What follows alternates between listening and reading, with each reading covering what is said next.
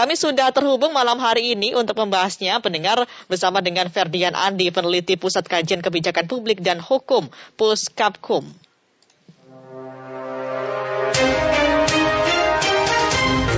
Pak Ferdian, selamat malam. Selamat malam, Mbak Aska. Pak Ferdian, ini masih uh, terus kita lihat banyak sekali ya untuk pelaku-pelaku usaha ataupun juga bisnis yang melanggar PPKM. Meskipun sudah jauh-jauh hari disampaikan ada sanksi yang sangat tegas, bahkan juga ada denda uh, puluhan juta begitu ya. Bagaimana hmm. agar memberikan efek jerah ini Pak Ferdian? Ya, uh, memang apa namanya penerapan PPKM ini apa pun pilihan kebijakannya ya, entah PPKM mikro, entah PPKM ataupun PSBB, kuncinya adalah pengawasan di lapangan yang kemudian ditunjukkan dengan uh, adanya penegakan aturan. Ini okay. hal yang simultan, linear, tidak bisa berdiri sendiri. Jadi aturan pilihan kebijakannya apa, kemudian harus ada pengawasan, dan yang kemudian ketiga adalah uh, penegakan aturan. Nah, dalam kasus uh, beberapa kali terakhir beberapa hari terakhir ini uh, menariknya adalah karena ada rentetan uh, apa namanya dugaan tindakan pidana begitu ya. Oke, dari kasus RM Cengkareng itu tadi persis, ya. Persis, persis. Kita membayangkan berimajinasi seandainya tidak ada tindakan pidana, apakah akan seboh seperti ini? Apakah akan kan kemudian ditutup begitu? Itu juga persis, jadi pertanyaan ya. Persis, persis. Karena ini menjadi sorotan publik dan hmm. melibatkan oknum aparat, maka akhirnya uh, publik memberi atensi terhadap uh, kasus ini yang kemudian diterapkanlah aturan ini. Di luar dari itu, sebenarnya tadi kembali ke statement awal saya yaitu uh, agar ini efektif, apa pun pilihan kebijakan oleh pemerintah agar efektif maka harus ada pengawasan dan penegakan aturannya. Saya pikir ini penting. Eh, sebelum itu, yang utama juga adalah sosialisasi di para pelaku usaha. Mm. Dan kami meyakini sebenarnya dari sisi sosialisasi informasi ini kan luar biasa berlimpah di media massa, okay. termasuk uh, di kalangan internal pemerintah Tentu sudah juga sangat menelaah informasi begitu betul, ya? Betul, betul. Jadi tidak ada alasan tidak tahu, apalagi ada apa prinsip uh, doktrin yang sangat mendasar setiap aturan itu publik dianggap tahu dan mm. itu wajib diikuti oleh semua pihak gitu. Jadi apakah ini harus ada yang berani lapor dulu kemudian baru ditindak begitu harusnya Pak Ferdian? Uh, memang idealnya adalah uh, kesadaran publik khusus di Jakarta misalnya memang relatif lebih baik dibanding di daerah-daerah. Misalnya ada aplikasi Jaki ya kalau di iya, Jakarta yeah, misalnya itu adalah bagian dari partisipasi publik dalam mengontrol terhadap kebijakan pelaksanaan kebijakan di lapangan. Ini saya pikir eh, pola-pola kolaborasi antara negara dengan warga negara itu menjadi sangat penting dan kunci di situasi hari ini untuk memastikan setiap kebijakan pemerintah itu berjalan efektif di lapangan. Maka uh, teorinya adalah ya tadi kolaborasi, partisipasi yang kemudian itu harus direspon dengan baik oleh pemerintah dengan tadi melakukan uh, pengawasan dan penegakan di lapangan jangan sampai muncul uh, apa namanya ketika ada insiden baru uh, ada kesan ini baru tanggap. Uh, uh, itu okay. jangan sampai sampai muncul kesan-kesan seperti itu. Jadi okay. yang tadi kuncinya adalah tadi kolaborasi partisipasi publik itu harus diutamakan juga dalam proses penegakan aturan ini begitu.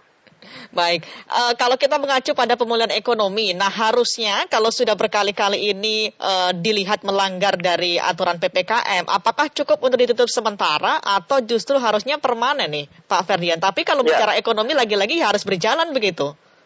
Ya, kan sebenarnya uh, aturan uh, apa namanya tempat usaha itu kan tidak ditutup uh, 24 jam. Iya. Di, dibuka di misalnya di rentang waktu pagi sampai uh, jam 9 atau jam 7 malam misalnya. Mm -hmm. Kan tidak ditutup 24 jam. Kecuali melanggar nah, ya. Oke. Okay. Persis. Di luar itu baru kemudian dianggap melanggar gitu. Jadi tidak ada alasan untuk membenturkan kepentingan ekonomi dengan kepentingan uh, tadi uh, pencegahan uh, COVID-19 di lapangan gitu. Jadi uh, kalau kita membaca misalnya Perda DKI nomor 2 tahun 2020 termasuk uh, apa namanya Pergub 2 tahun 2021 cukup rigid dan cukup detail tentang tahapan-tahapan sanksi misalnya. Hmm. Kapan diberi sanksi tertulis, kapan di, diberi sanksi uh, apa namanya denda misalnya 50 juta, kapan diberi sanksi uh, penutupan sementara termasuk kapan diberi sanksi pencabutan izin bahasanya gitu. Kalau yeah. bahasa hukumnya pencabutan izin tidak tidak penutupan sementara, pencabutan izin yang garis miring sama dengan penutupan permanen gitu. Itu sudah jelas tahapan-tahapannya. Artinya apa? Eh, ketika eh, apa namanya aparatur pemerintah menegakkan aturan ini dan ini sudah tercantum eh, cukup rigid di berbagai aturan baik Perda maupun Pergub tentu semua pihak harus uh, apa namanya menghargai uh, aturan ini dan itu semua harus taat pada aturan ini begitu. Baik, jadi untuk agar terlihat tertib dan juga disiplin harus semacam ada pemaksaan juga begitu Pak ya? Ya, namanya uh, hukum kan ada sifat memaksa. Mau ya. tidak mau ya kita harus tu turut karena memang tadi ada aspek yang lebih luas yaitu bagaimana memastikan uh, penyebaran COVID ini tidak melebar ke mana-mana dan uh, dalam beberapa catatan misalnya versi pemerintah ya. uh, kami membaca misalnya uh, ada tren menurun misalnya begitu. Ada tren melandai dari penerapan ppkm mikro ini di sejumlah daerah. Artinya apa ya dari sisi efektivitas efektif meskipun memang tadi beberapa case yang terjadi di lapangan itu menandakan masih ada trouble di lapangan. Misalnya soal ketaatan publik terhadap uh, aturan ini dan itu berjalin kelindan dengan tadi komitmen aparatur pemerintah di lapangan tadi pengawasan penegakan aturan itu harus sejalan juga termasuk tadi keterlibatan publik dalam melakukan pengawasan kolaborasi dengan negara itu menjadi mutlak mau tidak mau harus uh, melibatkan publik begitu.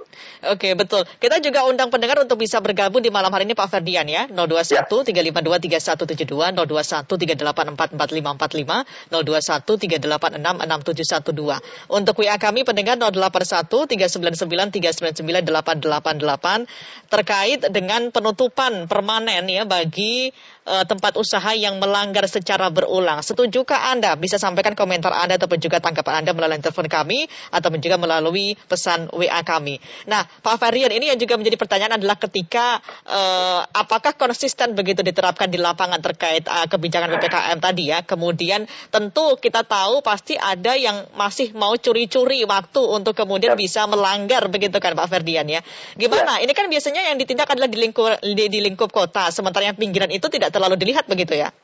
Betul. Jadi eh, ya memang um, keterlibatan publik dalam hal ini adalah media massa gitu dalam mengcover sesuatu yang menarik atau mencuri perhatian di publik itu menjadi cukup penting sebenarnya. Termasuk tadi partisipasi publik dalam menyampaikan uh, apa namanya uh, pelanggaran-pelanggaran di lapangan juga menjadi penting. Meskipun sebenarnya Eh, tangan-tangan uh, aparatur pemerintah itu kalau kita runut kalau kalau mengikuti konsep ppkm okay. mikro kan sampai di level RT RW. Mm -hmm. Artinya apa? Unit terkecil dalam struktur pemerintahan yaitu RT RW itu sebenarnya menjadi telinga dan mata yang berjalan yang bersinggungan erat dengan apa yang terjadi di lapangan gitu.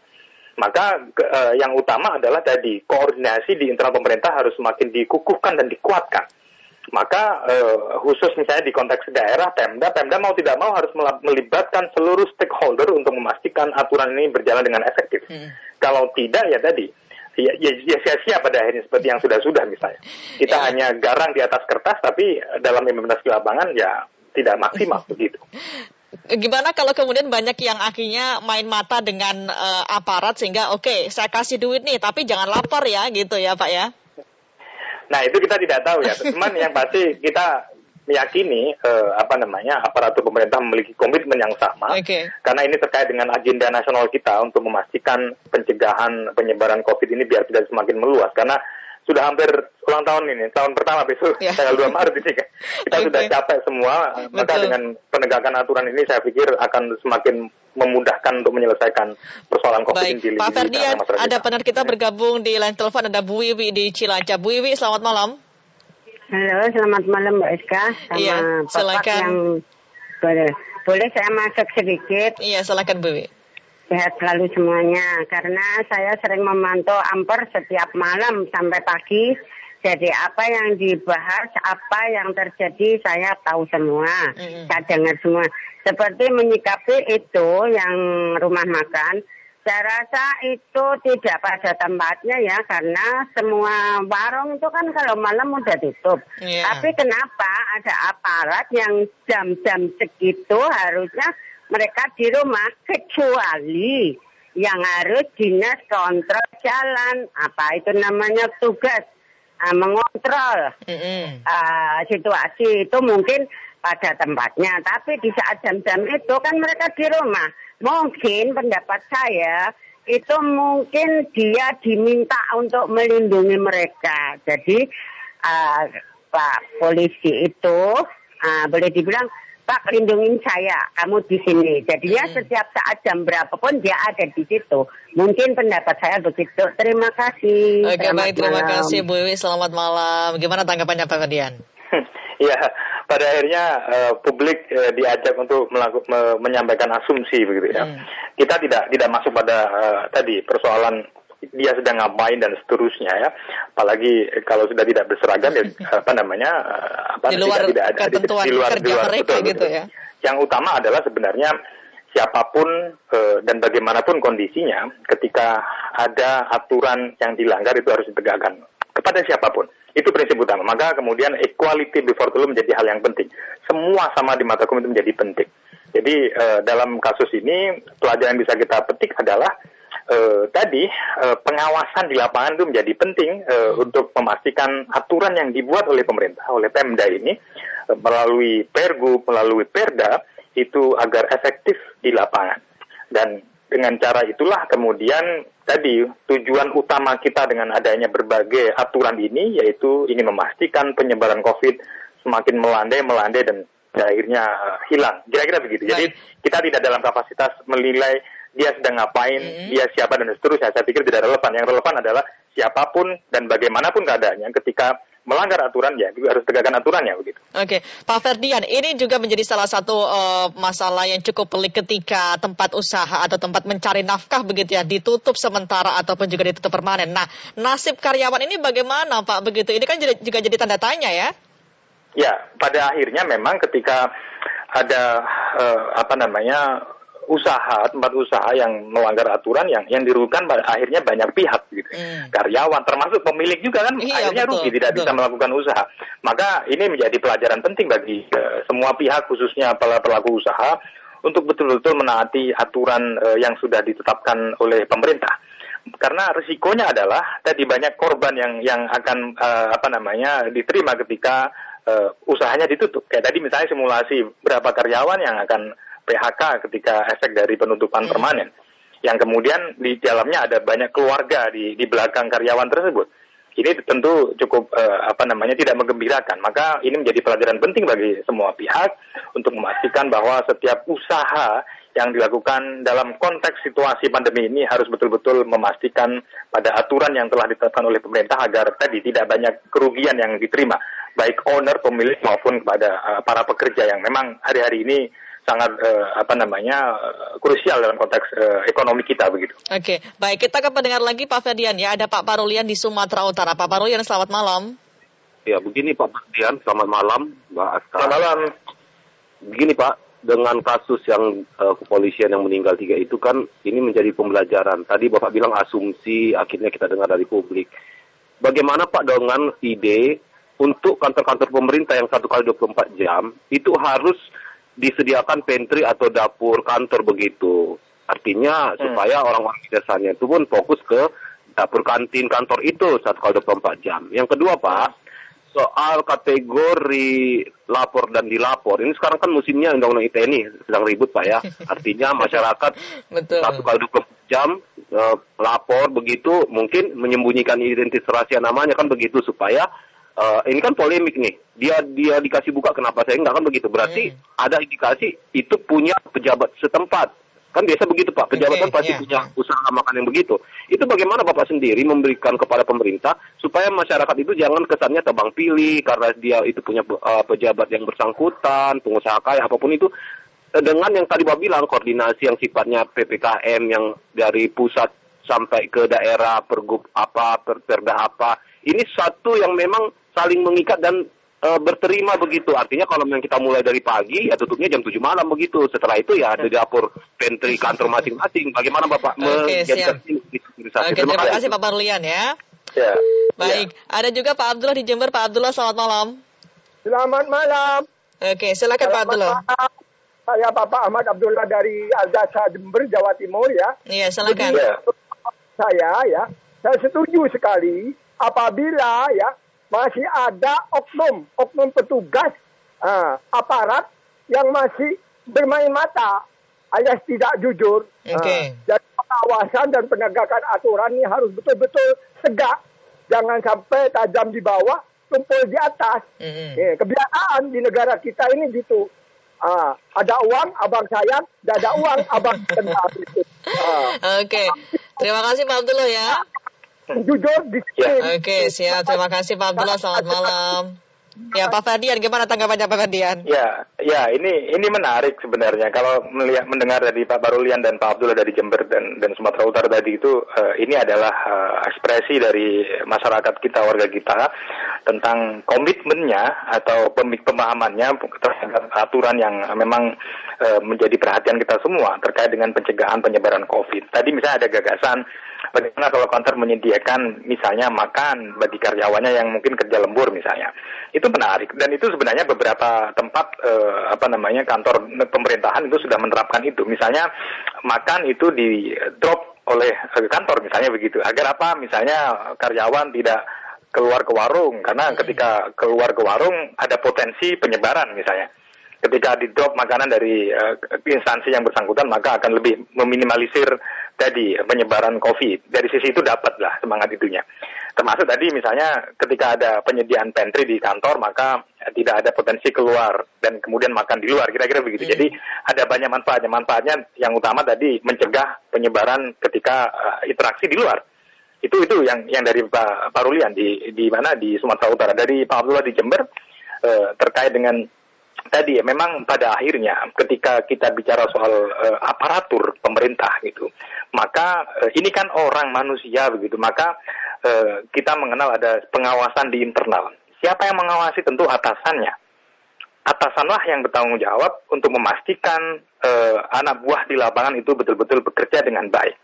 Maka tadi sistem koordinasi sistem pengawasan di internal khususnya dalam konteks penegakan aturan PPKM di masing-masing daerah karena tidak hanya Jakarta beberapa daerah di Indonesia menerapkan PPKM itu harus dipastikan berjalan dengan baik atasannya juga harus mengawasi anak buahnya kira-kira begitu anak buahnya juga harus melaporkan ke atasannya termasuk atasan juga sesekali juga harus turun ke lapangan untuk mengetahui bagaimana realitas di lapangan jadi pola-pola yang sebenarnya normatif ini eh, apa namanya tertuang dalam aturan itu diterapkan dengan baik sehingga muncul trust dari publik. Jangan sampai muncul asumsi-asumsi yang justru menyudutkan aparatur di lapangan.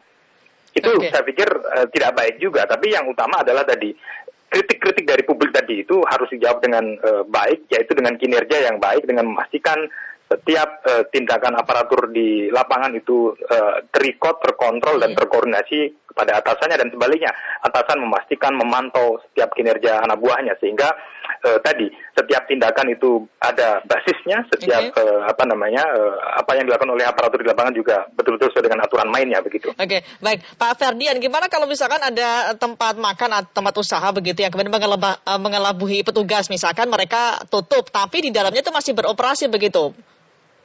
Beberapa waktu yang lalu, tahun lalu ketika PSBB di beberapa daerah di kota penyangga misalnya juga kita jumpai misalnya ada pemberitaan misalnya ada uh, diskotik atau apa hiburan malam begitu di luar tampak uh, tutup tapi di dalam ternyata ramai misalnya yeah. lampu dimatikan yeah, dari luar. ini ini yang yang sempat muncul di tahun-tahun lalu ketika penerapan PSBB di beberapa kota penyangga di Jakarta uh -huh. misalnya. Ini uh, ya tadi pada akhirnya memang kontrol, kontrol melibatkan publik mau tidak mau dan tadi kejelian aparat saya pikir aparat aparatur satpol pp khususnya memiliki ketajaman ketika melihat sesuatu yang uh, gak lazim itu itu sudah halnya naluri muncul lah ketika hmm. aparat di lapangan. Saya pikir itu sebenarnya bisa dilakukan dengan baik.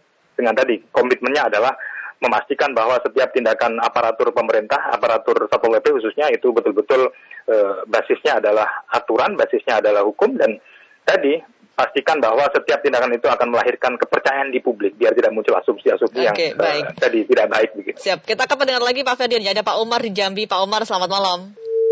Iya, terputus Pak Umar ya. Pak Sunarto di Sleman. Pak Sunarto, selamat malam. Selamat malam. Iya, silakan Pak Sunarto. Iya, terima kasih waktunya. Uh, kalau saya berpendapat ini tindakan yang sudah terlambat karena sudah ada baru ada korban tiga nyawa manusia yang jelas itu punya mungkin tulang punggung keluarga ya. Mm. Baru dilakukan penutupan. Seharusnya pemberlakuan uh, peraturan PPKM harus rigid. Jadi satu kali melanggar langsung tutup gitu aja. Satu kali ya, nggak hmm. perlu butuh ya, bertahap dulu Pak Sunarto nih. Lebih kenceng nih Pak Sunarto kayaknya. Nah, nah terus ini okay. masalah keamanan itu barangnya kayak dia seorang TNI maaf ya ini baru jadi korban. Okay. terus yang menembak seorang polisi. Kan mungkin sama-sama beraninya di situ jadi perdebatan yang luar biasa. Mm. apalagi yang si polisi katanya polisi mabuk otomatis emosinya terkontrol. Nah, sama-sama beraninya terjadi uh, kejadian tersebut. Itu. Dan juga mungkin dipakai uang berapa sekitar tiga juta ya hmm. itu mungkin barangkali sudah bon berapa kali barangkali. Nah itu kalau mungkin petugas keamanannya bukan seorang TNI barangkali nggak terjadi barangkali. Oke okay, baik. Barangkali ya makanya ini juga dilema juga karena di situ ada karyawan. Sebetulnya kan karyawan mungkin banyak kan mungkin juga tahu aturan. Hmm. walaupun dia memang karena mencari menolak pencarian dan situasi pandemi sekarang ini sangat sulit tapi kalau sudah melalui melampaui jam pembatasan kita kan harusnya Harus kan sadar diri ya. Sadar diri, okay, nah itu kan baik. sampai jam 2 malam dini hari masih buka hmm. dan sebagainya. Itu ada apanya di situ? Itu kan ada harus ditelusuri. Oke okay, baik, Pak Sunarto. Terima ya, kasih Pak Sunarto ya. Ya. Oke, okay, Pak Ferdian gimana Pak? ya benar tadi idenya salah pertama langsung tutup begitu saya melihat itu ekspresi apa kejengkelan publik terhadap kebandelan uh, warga kita, masyarakat kita ketika dalam kasus uh, penanganan COVID ini. Jadi itu itu bagian ekspresi kejengkelan dan saya kira wajar-wajar saja. Tapi kembali kepada aturan main di Perda maupun di uh, Pergub misalnya diatur secara bertahap dan memang konsepsi sebuah peraturan undang-undangan memang harusnya bertahap tidak langsung uh, ultimum remedium. Hmm. Itu kan langsung ultimum remedium langsung iya. tutup kan ultimum itu call tinggi banget itu. Jadi tentu tadi ya ada teguran ter, apa, tertulis, kemudian denda, penutupan sementara, kemudian pencabutan izin. Dan sebenarnya eh, tanpa ada sanksi pun kalau kita memiliki kesadaran bersama terkait dengan bahaya COVID ini, tentu uh, tidak perlu sebenarnya ada ancaman-ancaman sanksi kalau kita memiliki pemahaman yang sama bahwa ketika ini dibuka larut malam, kemudian mengundang banyak orang datang, maka di situlah potensi penyebaran. Jadi kan sanksi kan itu, itu sebenarnya opsi terakhir ya Pak ya? Opsi terakhir, apalagi ini kaitannya dengan administrasi pemerintahan gitu okay. ya, bukan pidana umum gitu. Maka kemudian tadi kesadaran bersama sebenarnya ini yang perlu ditumbuhkan. Kesadaran kolektif kita bahwa ini ada masalah besar di kita dan ini sudah hampir setahun, kurang beberapa hari lagi sudah setahun. Yeah. Kalau ini terus terjadi, tentu akan semakin merugikan kita semua mm. terkait dengan tadi pertumbuhan ekonomi kita akan terganggu secara ekstrim, termasuk banyak orang akan terganggu dalam mata pencariannya misalnya. Jadi saya pikir kesadaran itu menjadi penting untuk ditumbuhkan di seluruh stakeholder, aparaturnya, warganya dan kita semua. Saya dan Mbak Aska juga demikian gitu, agar tadi betul-betul kita putus mata rantai COVID ini dan kembali kita hidup normal dan kehidupan ekonomi semakin baik, baik. kembali. Begitu kira-kira. Pak Ferdian, terima kasih untuk perbincangannya malam ini Pak Ferdian ya. Sama-sama Mbak Semoga nanti selalu. bisa ada pencerahan gimana masyarakat bisa lebih sadar begitu ya, apalagi yang punya usaha nih. Jadi jangan menggebu-gebu ingin dapat uh, cash flow yang bagus, tapi lupa untuk tidak menerapkan aturan PPKM Betul. begitu ya. Akhirnya yang rugi semuanya. Gitu. Betul. Pak Ferdian, terima kasih. Selamat malam. Sama-sama Mbak selamat malam.